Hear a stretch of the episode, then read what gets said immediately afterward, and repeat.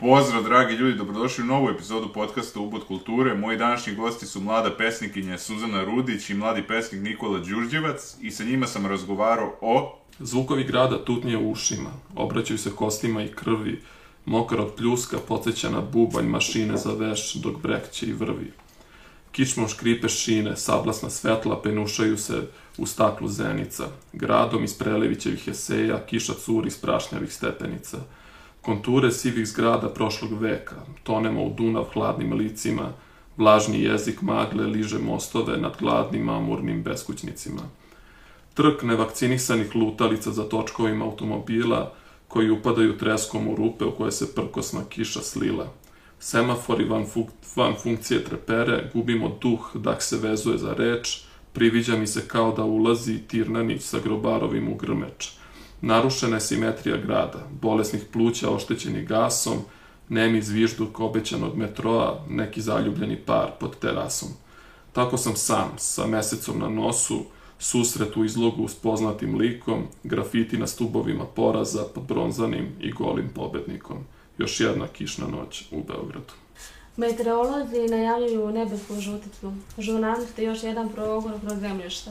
Šahovničari tapetarenje zidova hlapostima. Pali drvstva još jedno očistilište, podrštavanje tartara. Kritice ne mogu da podignu na zemlju ono što orlovi mogu na nebu da sviju. Podigni visoko barjake ne daju dati glas na parampača od podele. Dan je običan uprko s ošišenim vratima sunca, izrešetanom nebu. Dan je sasvim običan uprko s lošim prognozama. Ipak spremi za sreću fantiše i ne dozvoli da ti utrnu zube. Makadama prosvijeti svečano uvijanje gradova u maramicu i ne žali, čestitaj sebi još jedno iskušenje na iskusalim amfiteatrima. Nazdravi prosvetim vokala, vokalima suza radostica. Eno tamo u dovu lista svetlost na raskrsnicama i oživljuju kao olinska lica u jezgru tišine. Deca su šeljna kiša što daruju miras stopama. Uz njih bih htela da spomenem i mladog pesnika koji je već bio gost Kosta Kosovac i Biljanu Karavidić, čije zbirke imam takođe ovde na stolu, kao što vidite. I hteo bih da se zahvalim Manchmellowu na poslovnoj saradnji i zato što podržava i deli iste vrednosti kao ja i svima koji mi podržavaju preko Patreona i Paypala. Linkovi su u opisu. Uživajte.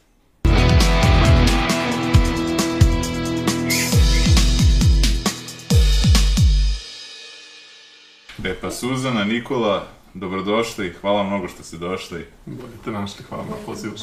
Za početak bih vas pitao jedno manč pitanje, a to je ko su vam bili uzori da počnete uopšte da se bavite, da kažem, pisanjem?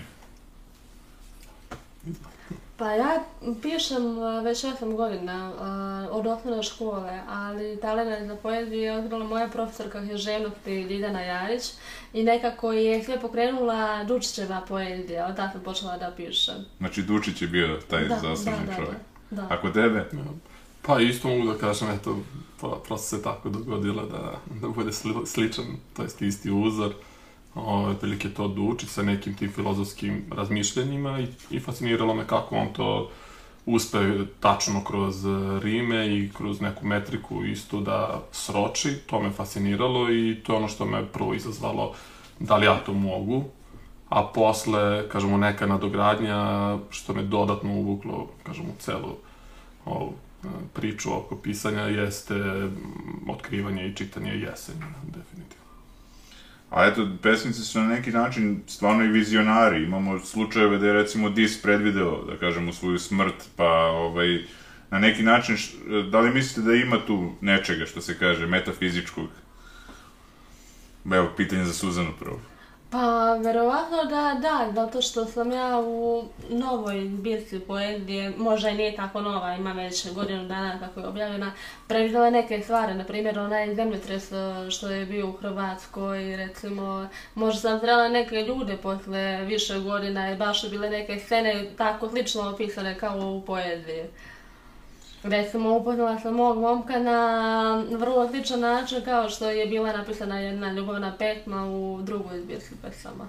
Vrlo zanimljivo. Da. A jel, ovaj, dobro, sad nije tu ta zbirka, pa Da, da, da. dobro, ali kako se zove pesma? A, zove se... mm, Te noć kad ostarimo.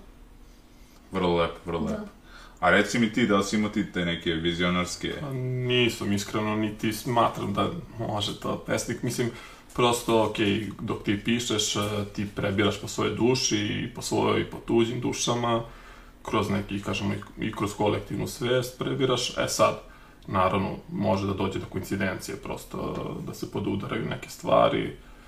Znači ti više misliš da su to neke, da kažemo, slučajnosti nego što je... Pa, naravno, naravno, da, da, prosto da možemo, verovatno bi to češće radili, a ne to, kažem, nekad prosto iz jedne pesme samo.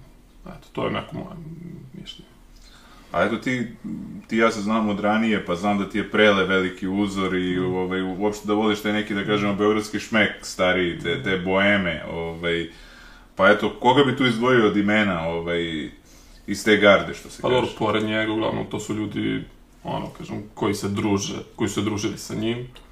To su, naravno, Bogdan Tirnanić, Jako Grubarov, Momo Kapor i Bore Đorđević takođe u tom, to vreme kad su se družili, tako da, naravno, da sam čitao o tome i to je isto, naravno, nešto što me, kažem, dosta isto inspirisalo i da dodatno zavolim Beograd, jer i Beograd je najviše e, prolazi kroz moje pesme i često, da kažem, ovaj pominjan i ulice i delovi grada i, i često čitajući njih, na primjer preletove kratke priče koje, u kojima on isto dosta opisuje Beograd, naravno iz svog nekog vremena, dosta me to, naravno, isto navodilo nekada, eto, posle čitanja da odem do grada, da prođem kroz te ulice i često se javljalo i posle takvih šetnji e, i inspiracija za pesme. A imaš neki omiljeni kutak grada, da kažemo? Da. Pa, m, kažem, ajde, ako neke delove grada, m, da sad zaokružim, bude to i Čubura,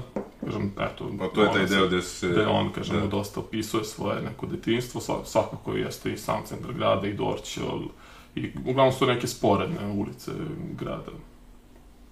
A reci mi ti, jel imaš neka mesta koja voliš posebno? Da li u ovom gradu, da li u nekom drugom gradu, tako da... Pa nekako su mi uvek bile interesantne tvrđave i reke, da. I kako u Novom Sadu, tako i ovde isto. A reci Da, ovaj, pronalazim tu inspiraciju u vodi, u tim nekim tak malo mestima koje imaju izvišenja i u ljudima, u njihovim životnim pričama. A jel ti se dešava nekada da zapisuješ nešto pored reke ili tako negde u prirodi? Ili? I, Pa povremeno da, kad imam vremena. A tebi, da li je tebi mesto ono u Pa, stanu nis, ili... pa dobro, što se tiče tako te prirode, to nisam ja taj, kažem, mislim ja volim prirodu, ali nisam neko koga inspiriše sad nešto priroda za pisanje, kažem, više su to neki ti skučeni delovi grada, kojima ima neka, kažemo, priča koja je ostala. E, tako da, ali što se tiče pisanja, uglavnom to bude kod kuće najčešće, prosto kad ostanem sam sa sobom i nikad se skoro ne desi da ja sad odem negde da putujem i da to uradim u tom trenutku, prosto tad skupljam materijal za posle kad se vratim u svoju školjku. A eto, zanimljivo ovo ljudi što si spomenuo, dosta njih je imalo veze i sa filmom. Recimo, Bogdan Tirnanić i Prele su radili zajedno scenariju za posljednji krug u Monci, to znam. I inače, Bogdan Tirnanić važio kao za jednog od najvećih, da kažemo, filmskih kritičara. Tako, pa mislim i, eto, kažem, zbog čega isto njega napominjem, jeste i mm, neke njegove knjige, kao što su Beograd za početnike i za ponavljače, to tačno to je kao skup njegovih kolumni. Tu se isto, kažemo, dosta spominju neki prošli dani Beograda i I, kažem, kod tih ljudi mi je fascinantno to što dosta, svako od njih je imao dosta različitih nekih e, afiniteta, ne samo, nije to samo bilo prema, na primjer, nije imao samo prema e, pevanju, po čemu kažem, možda najpoznatiji, nego i prema pisanju, često i po crtanju, tako i svako od njih je imao, kažemo, te neke još dodatne talente i to mi je kod te generacije fascinantno što su dosta bili predani e, nekoj umetnosti i kreiranju eto, nekih stvari koje su ostale nekim mlađim generacijama, naravno koga to interesuje i zanima. Tako da, Ja bih tu dodao još, eto, imate njegov mural, vidio sam skoro, ovaj, tamo kod Poleta, ovaj, u Cetinskoj, Libero Marconi. On je isto bio jedan od te ekipe da, da, da, koji se... pa ovaj, isto sa, kažemo, te čubure, Da, da, da. da. I I on je... Marković pa otuda i taj alias Libero Da. Marconi. Da, da, da, da. I zanimljivo je bilo, eto baš sam, izjeznuo sam se u jednom podcastu, rekao sam da je skočio u raku ne kod Raska Petrovića, kao što sam rekao, nego kod e, opet, opet sam zaboravio ime, Ristka Ratković, Risto Ratković, je tako? Nisam zapamtio ime, ali... Da, da, da, kad sam, ali pesnik ostao- Risto da, da. Ratković kod njega je skočio i rekao je, pošto je on bio siromašan i niko nije bio tu da mu pomogne, malo te čovjek umro od gladi, on je skočio u raku i rekao kao gde ste bili kad nije bilo ono kao i onda kad su krenuli lopatama oni su rekli ne, kao vi ne znate koga sahranjujete, to je veliki pesnik, kao rukama zemlju tu hvatajte i tako da ono, mislim, zanimljiva anegdota, jeste morbidno, ali, Da, da, ali- stvarno je tako bilo, mislim. Opet govori o tom nekom slobodnom duhu koji su to oni imali. Da, da. Sad, da li je to, ne kažemo, i ispravno i uzorno, ali svakako da je takav duh mogao da proizvede neke, kažemo, pesme ili priče koje definitivno nadahnjuju većinu ljudi koji pročitaju. Da, Preda je i rekao u onom svom dokumentarcu, imao sam, ne znam, 50.000 poznanika i nijednog prijatelja. Mada je bio dobar stvarno drug sa Gagom Nikolićem, ovaj, ali do duše, eto, ajde da kažem, on je bio jedan od onih ljudi što je bio usamljen svojom voljom, što se kaže. da, on je pa mo- pa to.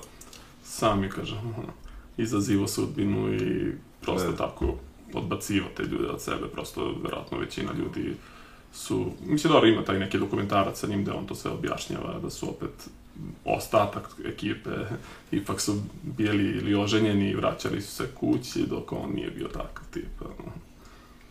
A s tobom, Suzana, kad sam se dogovarao pre podcasta, ti si rekla da su veliki utjecaj na tebe ostvarile, da kažemo, ruske pesnikinje. I takođe neke naše, da kažemo, starije, mislim i starijeg vremena. Ti si čak spomenula, čini mi se, i prvu našu pesnikinju, Da, Jefimiju. da. Ona je zanimljivo bila, ja mislim, treća pesnikinja u Evropi tek koja se, znači, pojavila. To je bilo baš, baš davno. A zašto si baš nju izabrala? Zato što je bila prva ili... Pa, između ostalog, da, zato što je bila i prva i zbog toga što je ona i bila istovremeno, zbog toga njenog načina života, ona je bila i deo vlasti, monahinja i svašta nešto. Ovaj, koliko ona mogla na, da kroz poeziju svoju da opiše tu svoju ljubav prema prema životu, prema ovaj, svemu što je bilo tad. Mhm. A reci mi, onda se tu isto spominje jedno ime koje, eto, svi znamo i ne zaobilazimo, a to je Desanka Maksimović. Ona je zapravo jedina žena, koliko sam ja shvatio, za života koju je izgrađen spomenik, protiv čega je ona bila protiv, jer je bilo ono, rekla, nema smisla ljudi, ali ipak su to uradili. Ovaj. Šta te privuklo kod Desanke? Pa njena iskrenost u poeziji, koliko ona iskreno pristupa emocijama, jer e, vrlo redko ćemo na, da nađemo, ne znam da li se nikoga slaže sa tim, pesnika koji pišu iz dubine duše. Čija je poezija čista. Pa dobro, ja mogu da dodam stvarno što se tiče Desanke, to je, kažemo, pesnikinja koja me baš fascinira. U nekom, kažem, baš na nivou tih nekih mojih uzora. I uvek mi je fascinantno uvek kad pročitam nešto od nje da, kažem, da dostigne taj neki nivo koji prosto ja cenim i poštujem. Dosta me podsjeća na ruske pesnikinje. E, ne znam, ta nekako baš originalna misao i naravno ja prosto dodajem često značaj tim vla, kad neko vlada dobro rimom, da svoju misao zna dobro da sroči u rimu i da to nisu naravno proste rime od, od jednog sloga, dva sloga, nego, nego složenije rime i to je nešto što me kod nje stvarno fascinira dodatno. A reci mi, ti si navela na listu i Danicu, je li tako? Da, Danica Marković. Danis Marković, da. Meni je fascinantno kod njene pesme na Bunaru, gde ona upravo opisuje da, taj moment od a, dečje iskrenosti, pa sve do neke, a, do nekih nepoznatih a, situacija gde je taj bunar upravo to nešto nepoznato i gde nas uvlače da mi postanemo grešni na neki način u toj pesmi. I da je na kraju pesme se govori o tome kako su oni, što su nakon što su popili vodu iz tog bunara, okaljali sebe i izgubili tu ljučiju naivnost i čistotu. A eto, zanimljivo je podatak za nju da je isto pesnik Jovan Janković sahranjen u, pored nje u grobu, ovaj, iako oni nisu bili zajedno, kao kad već nije mogu za života, hteo je onda na kraju da ovaj, bude pored Da. nje, tako da, ovaj, a kako se zvala, sad mi je stao isto, isto Danica, ona žena što se družila sa Desankom Maksimović, ili sam sad ja to nešto, ne mogu ni da se setim tačno, iz tog perioda, 30. godine su bile u pitanju, mislim, čak. A to je, nisam, ovaj, nisam istraživala baš toliko. Da, da, da, zato što kad si rekla Danica, pomislio sam na tu ženu, ali možda Da. da se ona drugačije zvala, nije ni, nije ni važno. Nego reci mi, evo tu možemo da nađemo zajedničku tačku, ovaj, jer si ti spomenuo ruske pesnike, ona spominje ruske pesnikinje, pa nekako se proteže kroz tu, da kažem, ajde ne samo rusku, nego uopšte sovjetsku ovaj, priču, e, tragedije. Zato što prvo Jermontov i ovaj, prvo u stvari Puškin, pa Jermontov su završili kao ovaj, tako što su, dvobojima, da. Pa zatim onda imamo Jesenjina Majakovsku koji su se, e sad to je pitanje, da li je samoubistvo ili ubistvo, kako god tragično je.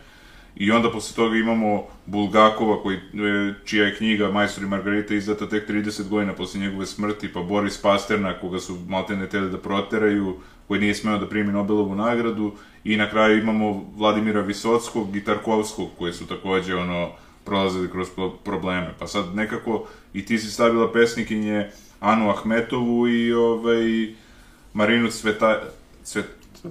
Cvetajeva, da, I Sofiju. i Sofiju i sve i, i njih dve su ovaj imale takođe probleme sa diktatorima u to vreme sa diktaturom i ovaj čak su ono emigrirale i dosta, dosta je to uticalo da, da bude inspiracija na njihovu ovaj poeziju. Ovaj pa šta te kod njih dve konkretno, sad kažem za Anu i Marinu, ovaj možeš za Sofiju da kažeš ovaj šta te je privuklo kod njih u poeziji. Pa, kod Sofije možda taj e, lični život, pošto je imala dosta težan život i imala je problema i porodičnih i lošu mađahu. Nekako se ona okretala dosta nematerijalnim stvarima da opisuje u svojoj poeziji. Da, mislim, davala je do znanja da nije važno toliko bogatstvo koliko je važna a, duša čovjekova. I kod tih Rusa uglavnom je to nekako, ta poezija je a, najviše približena religiji, duhovnom. Nekako je najviše taj nivo. Ovaj, a kod, kod Ane i kod Marine mi je privukao taj simbol, simbolizam koje su one imale u svojoj poeziji. Ipak su mogle nešto da kažu i nešto da sakriju istovremeno. Davale su a, čitavnicima mm, prostor da oni sami otkriju šta njih to zapravo muče u tom vremenu. A, pa da, a Anina najpoznatije delo je Requiem, je tako? Da.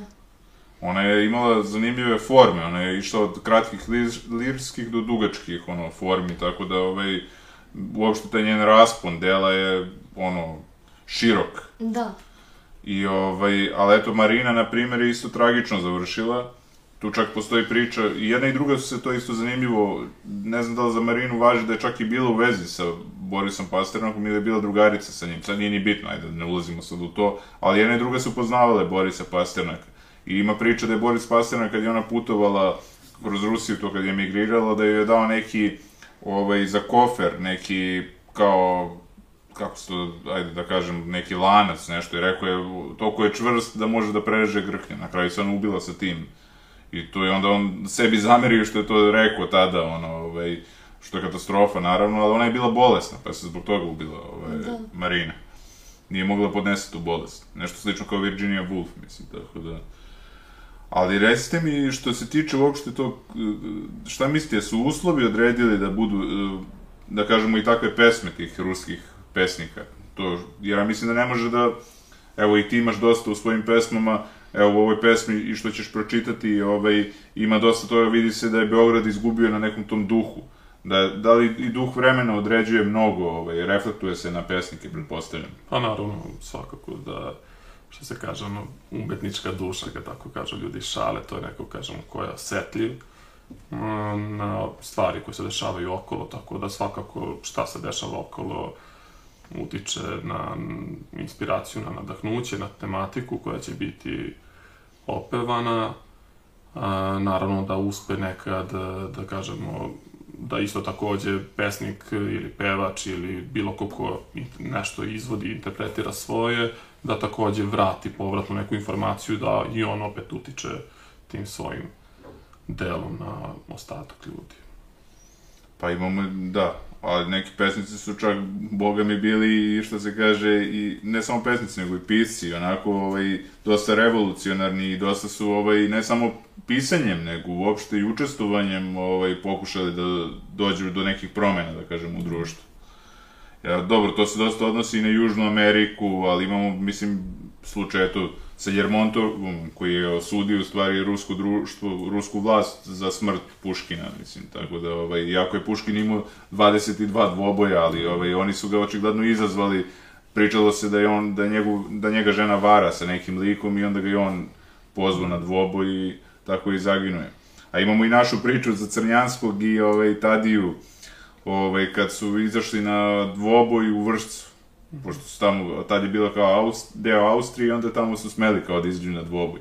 I sad, ovaj, tad je Stodemajer, on je, on je bio inače u vojci, mislim, Barato je odlično oružjem, ali Crnjanski ovaj, je promašio, naravno, kad je pucao i sad je ovaj, mogu njega da ubije, ali ga je poštedeo, ono, pošto je, ipak je veliki, veliki crnjanski, tako da kažemo, i onda se ovaj čak i ljutio na njega, pa što me nisi kao ubio, što nisi pucao, toliko je bio lud, ono, a cela zbrka je nastala zato što je ovaj, bila priča da li će da se koriste, u stvari, izvini, za Tadiju, on je bio u avijaciji zapravo, koliko se sećam, da, u avijaciji, čitava priča je bila to što je Crnjanski hteo da se koriste nemački, a kao avione, ovi su rekli gde ćemo nemačke avione, kao da koristimo naš, kao ne ide, kao naš, tako da, eto, to je, tu je nastala zbrka što se tiče toga. A evo sad u današnje vreme nekako kao i da nema nešto baš puno da kažemo pesnika i pesnikinja zvezda. Nekad je to bilo ovaj, normalno, a sad šta mislite da je uzrok tome? Da li nema i dovoljno prostora na televiziji ili uopšte ovako? Pa svakako da ima neko telo koje to reguliše neke tokove. Opet naravno i ljudi sami bi često umeju da isto izvedu nešto na površinu i da onda to nekom tamo telu koji reguliše sve oko nas zapadne za oko i odluče da to iskoriste u neku, kažemo, svoju svrhu. Tako da isto mislim, što se tiče i muzike, s 60, 70, 80 svakako da je nekome to, kažemo, trebalo u neku, u neku ruku, zavrti se prosto taj točak e, i, kažemo, i dobrih ideja, i zabave, i konzumacije, i dođe do nečega da u tom trenutku bude boom, sad svakako da definitivno ne samo poezija, nego dosta i druge grane umetnosti nisu nešto što je verovatno in, trenutno interesantno. E, prosto je definitivno drugačiji stil življenja. Naravno da dosta tome i, kažemo, tehnologije koje koristimo prosto su promenile način življenja. E, moguće da ljudima sve to pre i dosadilo, pa prosto sad, eto, živi se neki drugi način života, posle nekog vremena će ovo da dosadi, možda se vrati nešto staro, možda totalno nešto novo bude zanimljivije, tako da, ne znam, sve je nekako ono, hazard neki bez pravila, ne, on ne može definitivno se definiše ni šta, ni kako, prosto imamo ljude koji su iz nekog vremena, na primjer, 60, 70, 80 pravili dobre pesme što se tiče, na primjer, u muzičkom smislu, pa isti ti ljudi danas ne mogu da naprave dobru pesmu. Znači, definitivno je bila neka energija, euforija na globalnom nivou i što je vozilo ljude da se i predaju tome, da se... Prosto kad stvaraš moraš da se prepustiš, da, da to nešto pokušavaš, pokušavaš, da probaš, ali u nekom opuštenoj atmosferi, u, i nikad ima, da imaš neki sad cilj, da to sad moraš do tog i tog dana, da bi to i to uradio. Možda je nekome to isto kažemo, bilo okidaš za neke dobre stvari, ali otprilike, ako ispratim i pročitam, često je bilo da je to iz neke nonšalantnosti rađeno i, i onda svakako je došlo do toga da je dosta stvari dobrih proizvedeno, mm, a eto kažem, isti ti ljudi danas ne mogu, prosto ne postoji formula, nego definitivno je do nekog trenutka u vremenu u kom se nalazi čovek. A da li smatrate da su se možda ideje istrošile, pošto evo već, ono, da kažem, umetnost postoji jako dugo, ono, mislim, tako da, ovaj, možda i do toga. Pa ja mislim, ovaj, isto tako, na primjer, kad i svoje pesme, na primjer, gledam, ja ne mislim da sad ja izmišljam neke Nešto, ideje i da. tematiku totalno novo, ja ništa da. neću sad reći, ne znam što neko nije čuo, ali mislim da možeš neke teme koje su možda već i obrađene da kažeš na svoj način koji će ono neko ono izazvati reakciju svakako. Tako da i prethodnih godina niko od većine ljudi nije sad, desi se naravno neki izuzetak od trenutka događaja koji se dogodio, pa da to bude nešto novo svetu i da pesnik ili bilo koji drugi umetnik iskoristi za svoje delo, pa sad u tom trenutku to izgleda, izgleda nešto skroz novo, ali često se, kažemo, provlače kroz sve pesme, knjige, filmove, ideje koje su često iz, datiraju i iz, iz Biblije, iz, ne znam, i pre Biblije događa i samo se prosto prerađuju na neku tematiku savremeniju, povezuju se sa stvarima koje se sad događaju i onda to deluje da je to nešto novo, ljudi ga čuju, kažemo, fasciniraju se ili ne, ali svakako mislim da se nekoliko ideja provlače sve vreme i samo svako gleda da doprinese kroz neki svoj stil, svoj način izraza. A šta ti misliš o, o tome? Pa ja mislim da ima baš dosta mladih autora koji pišu danas i da je greška u tome što svi učimo jedni od drugih. Nekako ima dosta sličnosti u tim stihovima. Pa je malo više, nedostaje malo više individualnost, nešto da bude drugačije urađeno. Baš ono što Nikola kaže da bi trebalo neki problem da se obradi malo na drugačiji način. Da ne bude sad već nešto što, da ne bude nešto nejasno, ali da se pristupi tome ovaj, u nekom novom stilu. Ali da ne bude previše, da ne, da ne otkače opet previše toliko. Nažalost, mislim da postoje i zatvoreni krugovi umetnosti, evo Pa, ono ću da to, kažem, to pošto ja to već vidim, ono, sada, ono, pošto ja pišem, ovaj, nažalost, neki lobiji vladaju definitivno, ono, kroz umetnost i kod nas, naravno, ali eto, ono, i onda se, kako bi rekao, više forsiraju ta neka imena u odnosu na druge, a nisu ništa bolje, moram tako da kažem, ono, tako da, nažalost. Greška je u medijima isto, zato što Da. previše imamo o, sadržaja sa estrade. Da, Da. nemamo, možda 10% sadržaja iz kulture imamo. Dobro, sad, znaš, pitanje je isto, ako bi ljudi ignorisali to, ja sam rekao, ignorisanje je najbolji lek, sad Da, da, bi da. ignorisali te vesti i sve, To i sam kad, isto to kažem, izvini, ali često to, da si, kad si pisao o tome, i to je stvarno nešto što javno zastupam uvek i kad, eto, kažem, baš kad si ti pisao o tome, to je nešto da sam je isto već razmišljao o tome da da neke stvari pobediš definitivno jeste da ih zanemariš i da im ne daješ na značaju, ali nekako kod nas se ljudi dosta pecaju tako je, na to i, ma, i to je neverovatno. No. Da. Prosto nekad ljudi komentarišu samo naslov, ne ođu, na primjer, u taj članak, a danas su, kažemo, sve senzacijski naslovi koji su totalno izvučeni iz konteksta i nekad vidiš u komentarima da ljudi komentarišu na osnovu naslova, nisu pročitali uopšte ni sadržaj i, mislim, uglavnom, funkci, uglavnom su to sve ist, naučili su šablone, uglavnom današnji, po znacima navoda, ti novinari, e, koji rade u takvim redakcijama, da jeste da to izvučeš iz konteksta, da to totalno bude nešto drugo unutra, i, a ljudi se definitivno pecaju i pecaju i pecaju i to je neverovatno, no, kako nikako da stane.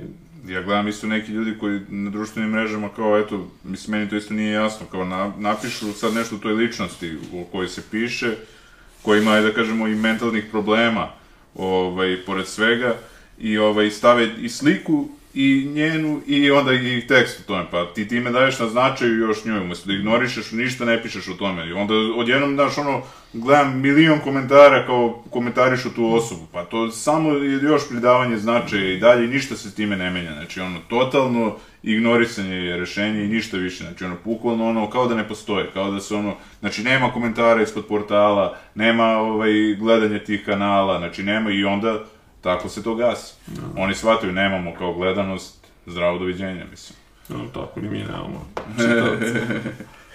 Ali to je taj neki vojerizam koji je, mislim, ne samo kod nas, nego u ljudskoj prirodi uopšte, ono, mislim, tako da, eto, Pa dobro, neko je to proučio, zna da, da to, kažemo... Psihologija mase. Da, da, definitivno da to ljudi vole danas i, i to se plasira.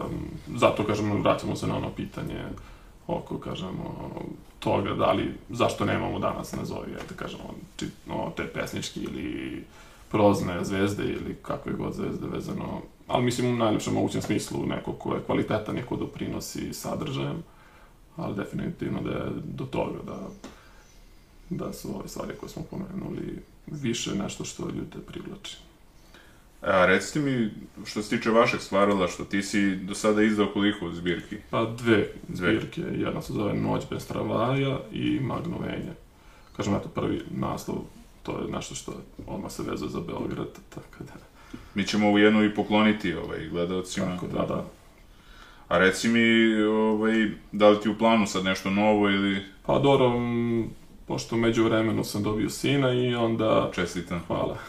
Ovaj, I onda trenutno sam ajde više okup, okupiran tim porodičnim obavezama, ali svakako da imaju pesme koje među vremenu nastaju i eto čuva se za neko treće, kažemo, izdanje, ali nije nešto na čemu žurim, prosto i do sada sam ono, kažem, dosta, mislim, ovo su nešto što sam ja, eto, kao izdvojio i objavio, a svakako, pored toga, ono, mnogo, mnogo pesama ima napisanih i, ono, kontinuirano mozak radi na taj način.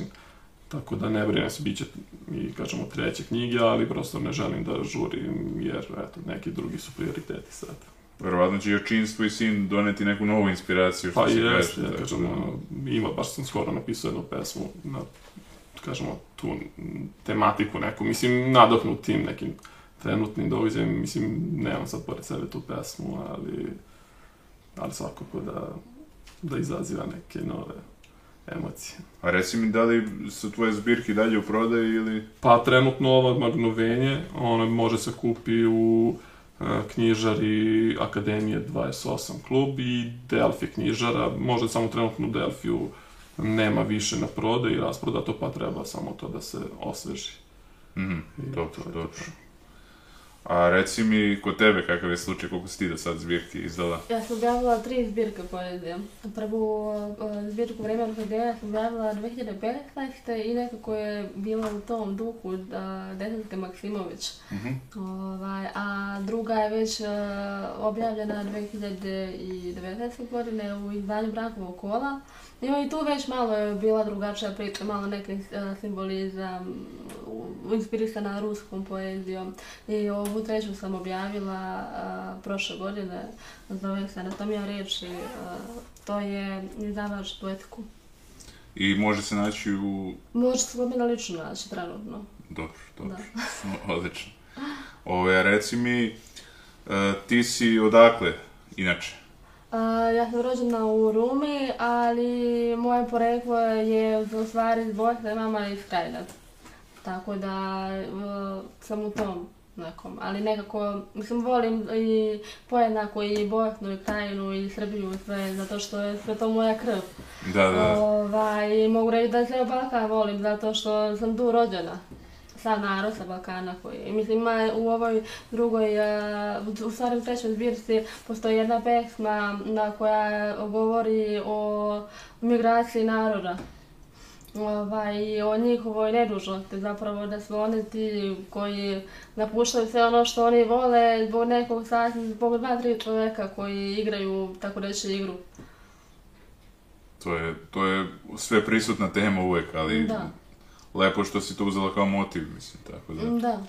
A jesi, reci mi što se tiče uopšte tih pesničkih večeri, jel ima dovoljno prostora u Beogradu? Jel se pridaje tome značaje? Pa, mislim da da, i u Novom Sadu sad dosta se do, daje pažnja mladim umetnicima. Samo da u manjim mestima je uvek gužva kad su ti događaji, jer jednostavno ne, ono, nema baš stalno, tako da, ono, ovaj, koje su, ja znam za kuć, kuću Đuru Jakšića, onda, ovaj, dobro i u Kularcu imamo isto, ovaj, neke večeri, tako da, ovaj, ali možda bi bilo idealno da se otvori još neko novo mesto, mislim, i Pole, taj da i tu ima Da, isto da. dosta, da. Ali bilo bi super da ima još nekih mesta, ono, baš, tako da. Da. A recite mi da pored, ajde da kažemo, pisanja pesama, imate li još neku strast prema nekoj drugoj umetnosti? Pa ja sam završila Akademiju umjetnosti u Novom Sadu, Vajarstvo.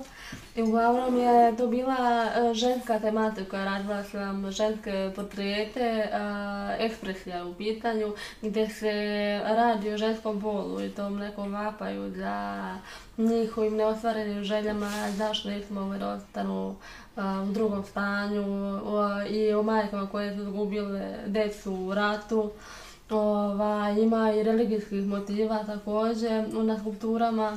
A također sam po- pokušala da se bavim i um, savremenim pozorištem. Bila je jedna predstava koju sam radila 2020. godine. Ovaj, također se radi isto o napuštanju um, ne samo doma, već i uh, psihike, koliko čovjek može daleko, daleko da ode od sebe. A reci mi, posle toga nisi se više bavila time ili jednostavno... Mm, Nisam imala vremena, postao je jedan koncept za film koji sam trebala da radim, kra- kratkometražni, da radi se o a, snu, zapravo o a, upoznavanju momka i devojke gdje a, preispituju svoje, mislim ne svoje grehe, nego grehe a, svojih predaka. Aha, Ovaj, a, gdje pokušavaju da ne urade isto ono što su uradili oni. pa lepo. A ti, ovaj, što sebe tiče, šta je s Pa tebe? dobro, aj kao klinci smo nešto najviše oko muzike se Pa, aktori. postavio sam. Tako da ono dosta, da kažemo, toliko klinci smo i hip-hopom se nešto bavili, repom. I od tada, kažemo, isto ta želja za pisanjem i tad je bila ta neka, kažemo, forma, kažemo, kada je bila neka druga tematika, ono, imao sam potrebu ono što je, što tuži tekst, ono, napišem, da kao, se izrazim i prosto me vodilo to da, i to da, plus što vladaš svojim mislima, da uspeš i uz muziku da ih uklopiš. Ali dobro, posle to, kažemo, cela da priča i na svetskom nivou i kod nas otišlo totalno neki, kažemo, drugi, kažemo, fazon koji, eto, prosto dalje se nisam pronalazio i, eto, kažemo, pre, to s njime smo prestali. Tako da, ali definitivno je muzika nešto ono što me najviše fokusira i često, kažemo, i kao neka inspiracija, kao nešto što te non stop vodi, kao prosto neki ritam koji pratiš sve vreme. Naravno, ono, što se tiče gledanja, ono, filmova i tako. Mislim, su, su ono, svega nečega da, gde može da te nadahne nečiji izraz. Tako da, volim, na primjer, ono, mislim, dosta meni, na primjer, dosta doprinalo to što na YouTube-u ima stvarno dosta kvalitetnog sadržaja, može se nađe, pogotovo ti nekih starih, na primjer, isto da spomenem nekog ko je žive u Be- Beogradu i radio jeste Aca Popović, on je, kažemo, naš dramski pisac i on ima ti nekih starih isto njegovih predstava gde čuješ ono svašta nešto kroz neke izraze koji su se tada koristili, tako da, ali eto, najviše, pored ovog pisanja, ipak se najviše bavim ovim poslom kojim radim, a to je softversko inženjerstvo i to je neki deo, kažemo, nazovimo umetnosti, da se izraziš kroz e, onako kako bi računar hteo.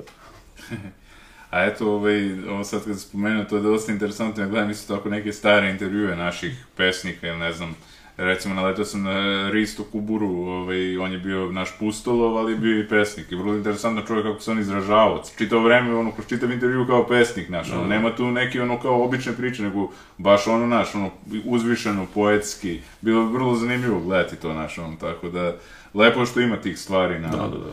jer ti imaš Andrića i Mešu Selimovića možda dva intervjua sa njima na celom i to po pet minuta, mislim, ono, tako da ono, skoro da nema ništa zabeleženo. Crnjanski ima neke svoje govore i ima ono kao, gde on recituje lament nad Beogradom i ne znam, Stražilovo, mislim, tako da ono, baš ono, redko mogu da se nađu takvi materijali i tako to.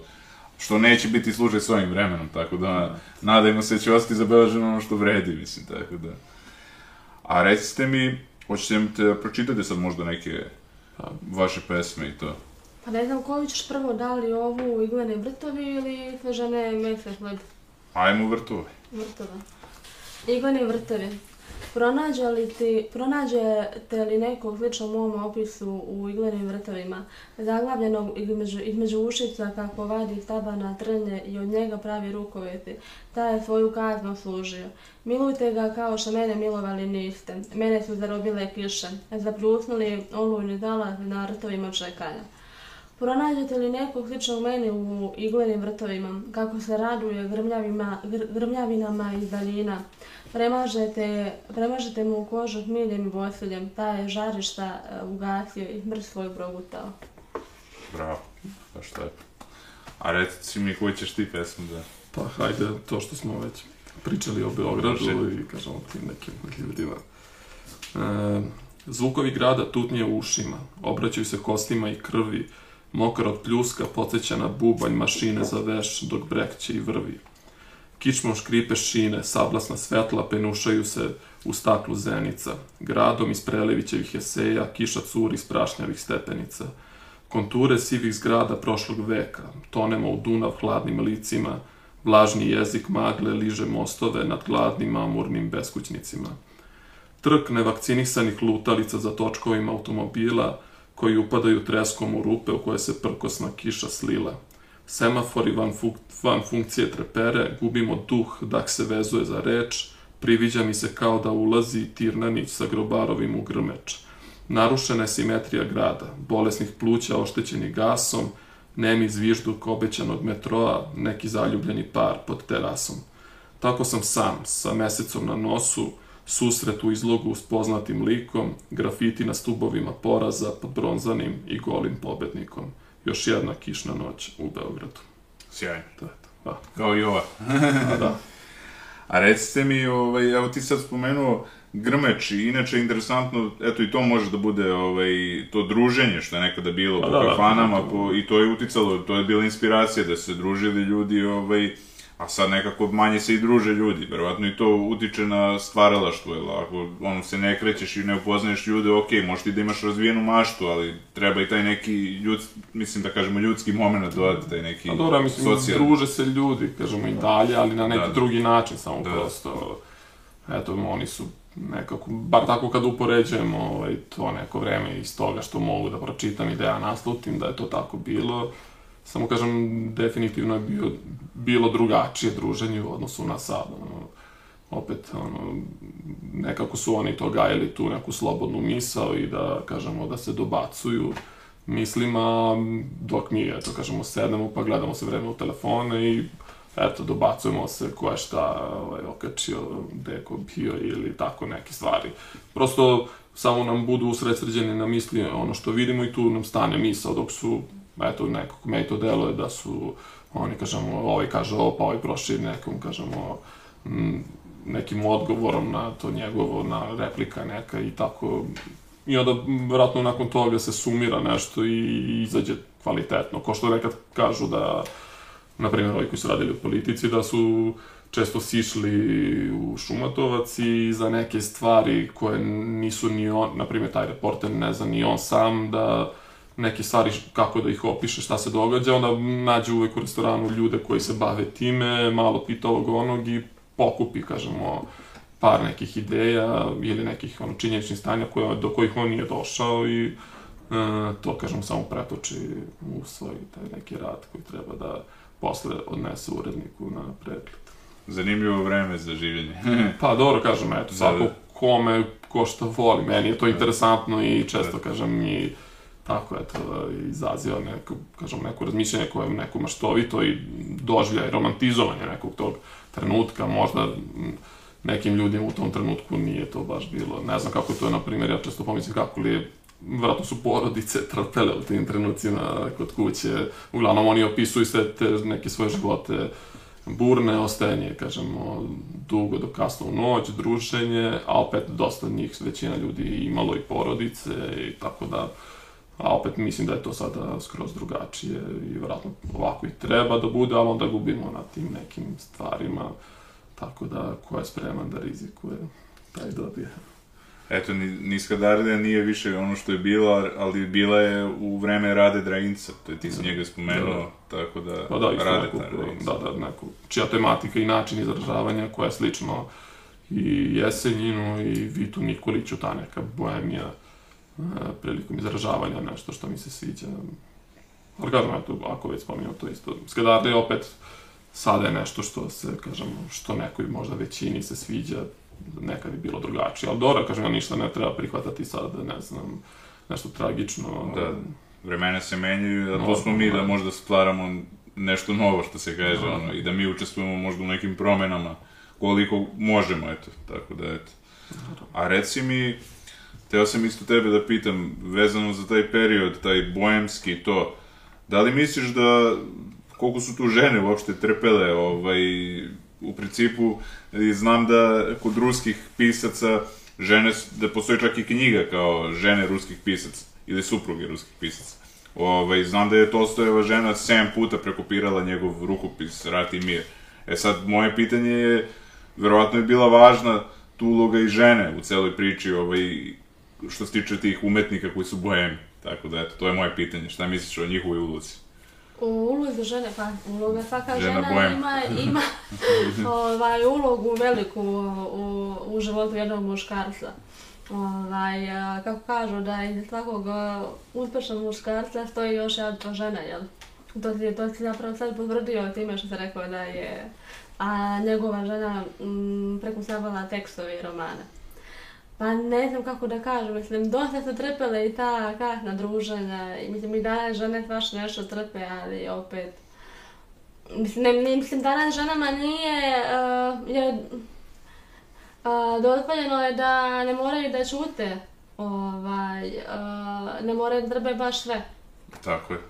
Tako da, to sam ja isto bila upisala u jednoj svoje pesme, sve dobre žene mese i hleb, zapravo, koje, što se radi uh, o ženi domaćice koja mora bude i a, dobra majka i dobra žena i dobra snajka i pa sve do savremene žene koja ne mora da trpi to sve i da bude. Mislim, i svaki i savremena žena danas trpi nešto drugačije. Ovaj, ona mora da, da formiraju se različita mišljenja i o tradicionalnoj ženi i o savremenoj ženi. A, ako, smo, ako žena nekad bila sve ono što treba da bude, što nalaže zapravo tradicija, ona je bila dobra žena. Ako nije bila, onda naravno nije valjala za tog muškarca i za tu porodicu. Tako danas i savremena žena, ako želi da ima karijeru, ona može i ne mora da bude dobra. Već da neko može da pomisli da je ona tu karijeru sagradila na neki pogrešan način, da nije bila a, da nije bila moralna možda, imaju takva mišljenja, ovaj, nekako je dužna da se pravda da je ona ovaj, to zaslužno postigla u životu. Jeste, Tako da žena trpi u svakom smislu, u svakom pogledu, kako god. jeste. Slažem se i dosta su žene, da kažemo, i preopterećene, jer sad moraju i karijeru i porodicu da jure, a ranije nije bilo baš tako, ono, mislim. Ali tako. najviše danas ispaša porodice zbog toga, zbog Da. te, mislim, to je mana, uh, jer većina žena želi da se ostvari kao ličnost, da bude jaka, stabilna žena, da bude zavisna, da porodica najviše ispašta i da više ima uh, brakova koji su rastureni, jer uh, svako i, svaki partner ima neko svoje mišljenje. Da. I najvažnije je da u toj vezi, u tom braku bude poštovanje, da bude razumijevanje, tolerancija, da bi uspjela da se sagradi neka harmonija i sklad. Ako tebe mi je zanimljivo to što si ti dosta, ovaj, da kažem, umešao, da kažem, taj kafanski život i opet rokerski. Ti si mi naveo na ovoj listi Milana Mladenovića kao rokera, a opet, znaš, sa druge strane, ono, lepo što imaš to, da kažemo, interesovanje i za jedno i za drugo, ono, redko ko obično se ljudi opredele samo za jedno, ja sam ovo i ono, tako da, ono, lepo si ti to uklopio, ono, lepo, Pa, to sam- ukus to, da. Pa mislim, prosto, ovaj, nekako, ja, bar je kod mene tako, ako je neko nečemu dobar, kvalitetan, ne gledam sad to da je on provodi vreme, da li je konzumirao to i to, da li je živeo ovako, Ne onako, stvarno, život. prosto misao, ta, Da. na, ono, način na koji se neko izražava, to je nešto što cenim, ovaj, tako da, m, eto, kažem, u nečem, kad izdvojim tako ljude koje, koje, kažemo, cenim, poštojem, m, totalno nisu, kažemo, iz, iz istog nekog miljeja, iz istog nekog društva, nego često bude, bude totalno različito, ono, eto, kažem, pomenemo sad Milana, pomenemo Preleta, ono, totalno, kažemo, dva različita stila, ono, kažemo, e, društva u kojima su bili, i način kroz koji se izražavaju, jedan kroz, kažemo, baš rock, drugi više, kažemo, i jazz, i soul, i rock, tako da... I, Zavljali smo i Ray Charlesa. Pa da, da, on je neko- njegov, da. Da, to ima ona, kažemo, anegdota, mislim i on sam pričao da, da su mu rekli da kao isto peva, mislim da preleta, da isto peva kao Ray Charles, jedina razlika što je Ray Charles slep, a on slepac. Zato što nije iskoristio na najbolji način svoj talent.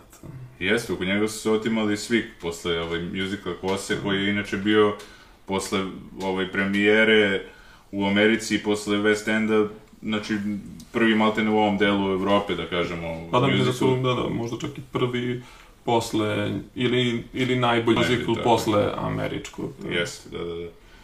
I eto, tu je Prele nosio, da kažemo, tu glavnu muzičku ovaj, ulogu. A i pre toga je on, pre nego što je bio u toj predstavi, je bio prvi, kažemo, izvođač, član, pevački član grupe Korni grupa, Tako. nakon, iz koje je izbačen nakon dve pesme zbog neprikladnog ponašanja i onda baš on to pisao da da je taj dan kad je dobio otkaz iz grupe, sedeo je u kafani, e, tamo kod doma omladine i posle kada išao do kuće koja tu blizu živi u Siradi. I onda baš pored Grmeča ga je zaustavio Jovan Ćerilov i sa tim, sa predlogom da, da bude glavni vokal u predstavi Kosa.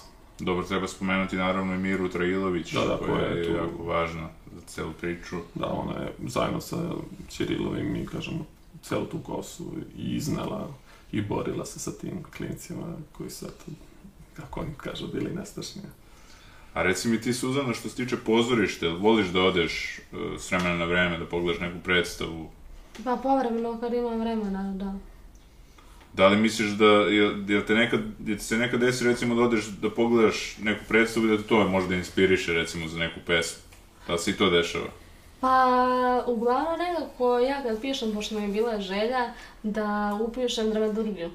A mislim da nije ostvarilo, pa sam upisala vajarstvo, pa nekako uh, pesmu pišem tako da liče na pozorište, na scenu, da, da nekako da bude taj uvod i a, zaplet, a, na kraju a, završetak sam, da a, kroz poeziju a, čitaoce provedem kroz sam taj čin života koji liči na predstavu, da se a, neki, neke ličnosti u, poe, u pesmi, da a, da skinu svoje maske, da nekako kroz te simbole a, koji imaju veze sa religijom, a, da a, pokažu da nisu baš tako svi bili iskreni i da su neki bili iskreni ili su bili žrtve.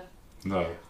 Ovaj, tako da a, dajem čitaocima slobodu da se oni postave ulogu toga lika u poeziji. Ovaj, shvatio sam i kad sam čitao tvoje pesme imam taj utisak, to što ti pričaš. Da, da, da, da. Hoćemo čujemo još neke ovaj, vaše. Pa naravno, ćeš ti, Hoćeš ti prvi? ajde ti. Malo da se Ja razvodimo nemam tu. sad tu pesmu što je vezana za pozorište. Nema problema, koju ti izabereš. ono sve.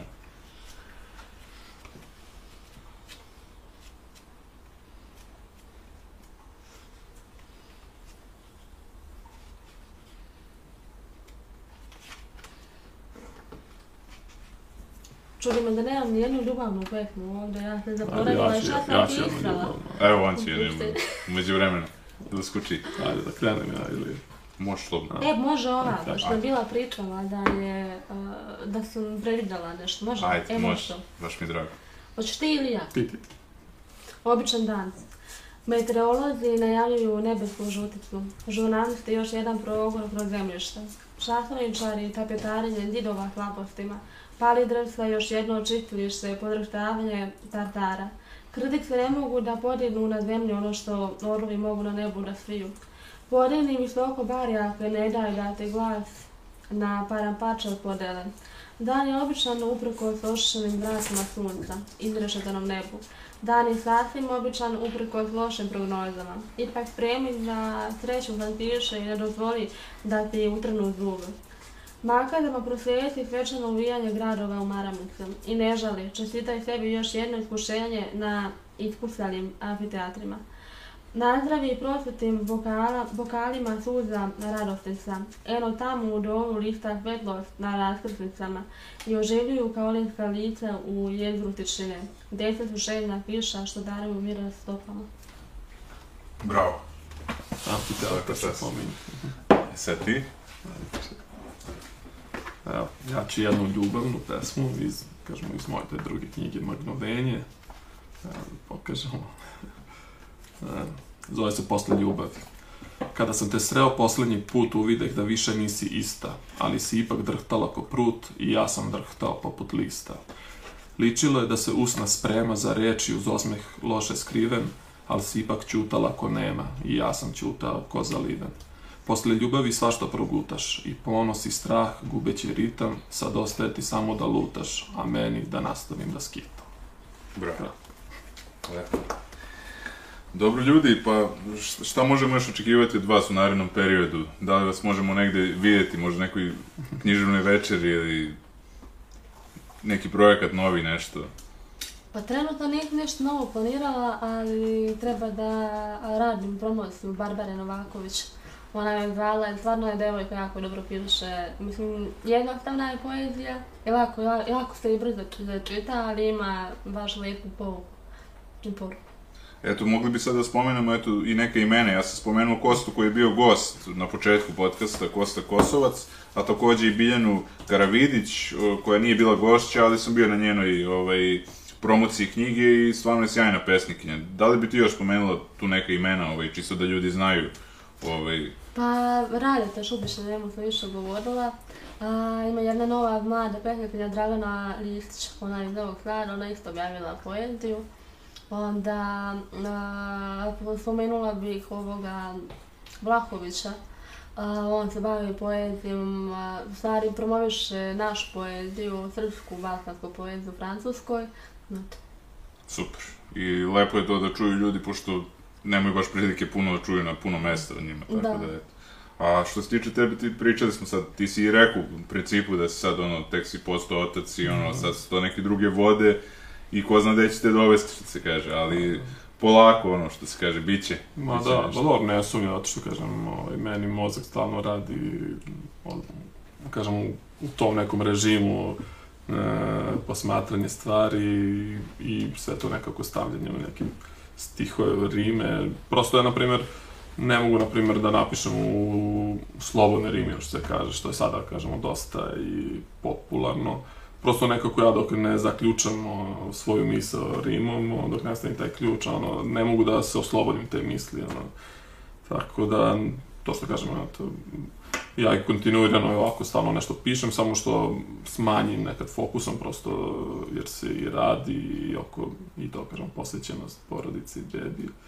I onda ostavljamo za neko, kažemo, malo vreme da prođe, a svakako treba. Mislim da, ovaj, definitivno treba nekad i da se da pusti čovjek da se nešto promeni u samom čoveku da bi bila neka druga energija, na primjer, isto kad sam završio prvu knjigu, Noć bez travaja, e, kad sam nju završio, ja sam i dalje imao dosta inspiracije i, kažemo, ništa nije meni kod mene stalo, ali sam ja, kad sam nastavio da pišem, vidio sam da je to nešto slično, slično, slično e, tome što sam već, kažemo, zaokružio kroz ovu knjigu i onda sam, eto, isto tako bi ostavio neko vreme da malo prođe i tražio se, tražio se i, i onda sam naišao na neki stil koji, na primjer, koji je dosta u ovoj knjizi Magnovenje, e, zastupljen, a to je neka, kažemo, forma pesme gde iskreno nisam nigde do tada naišao, a to je da, na primer, mislim, mm, ovako kad je, kažemo,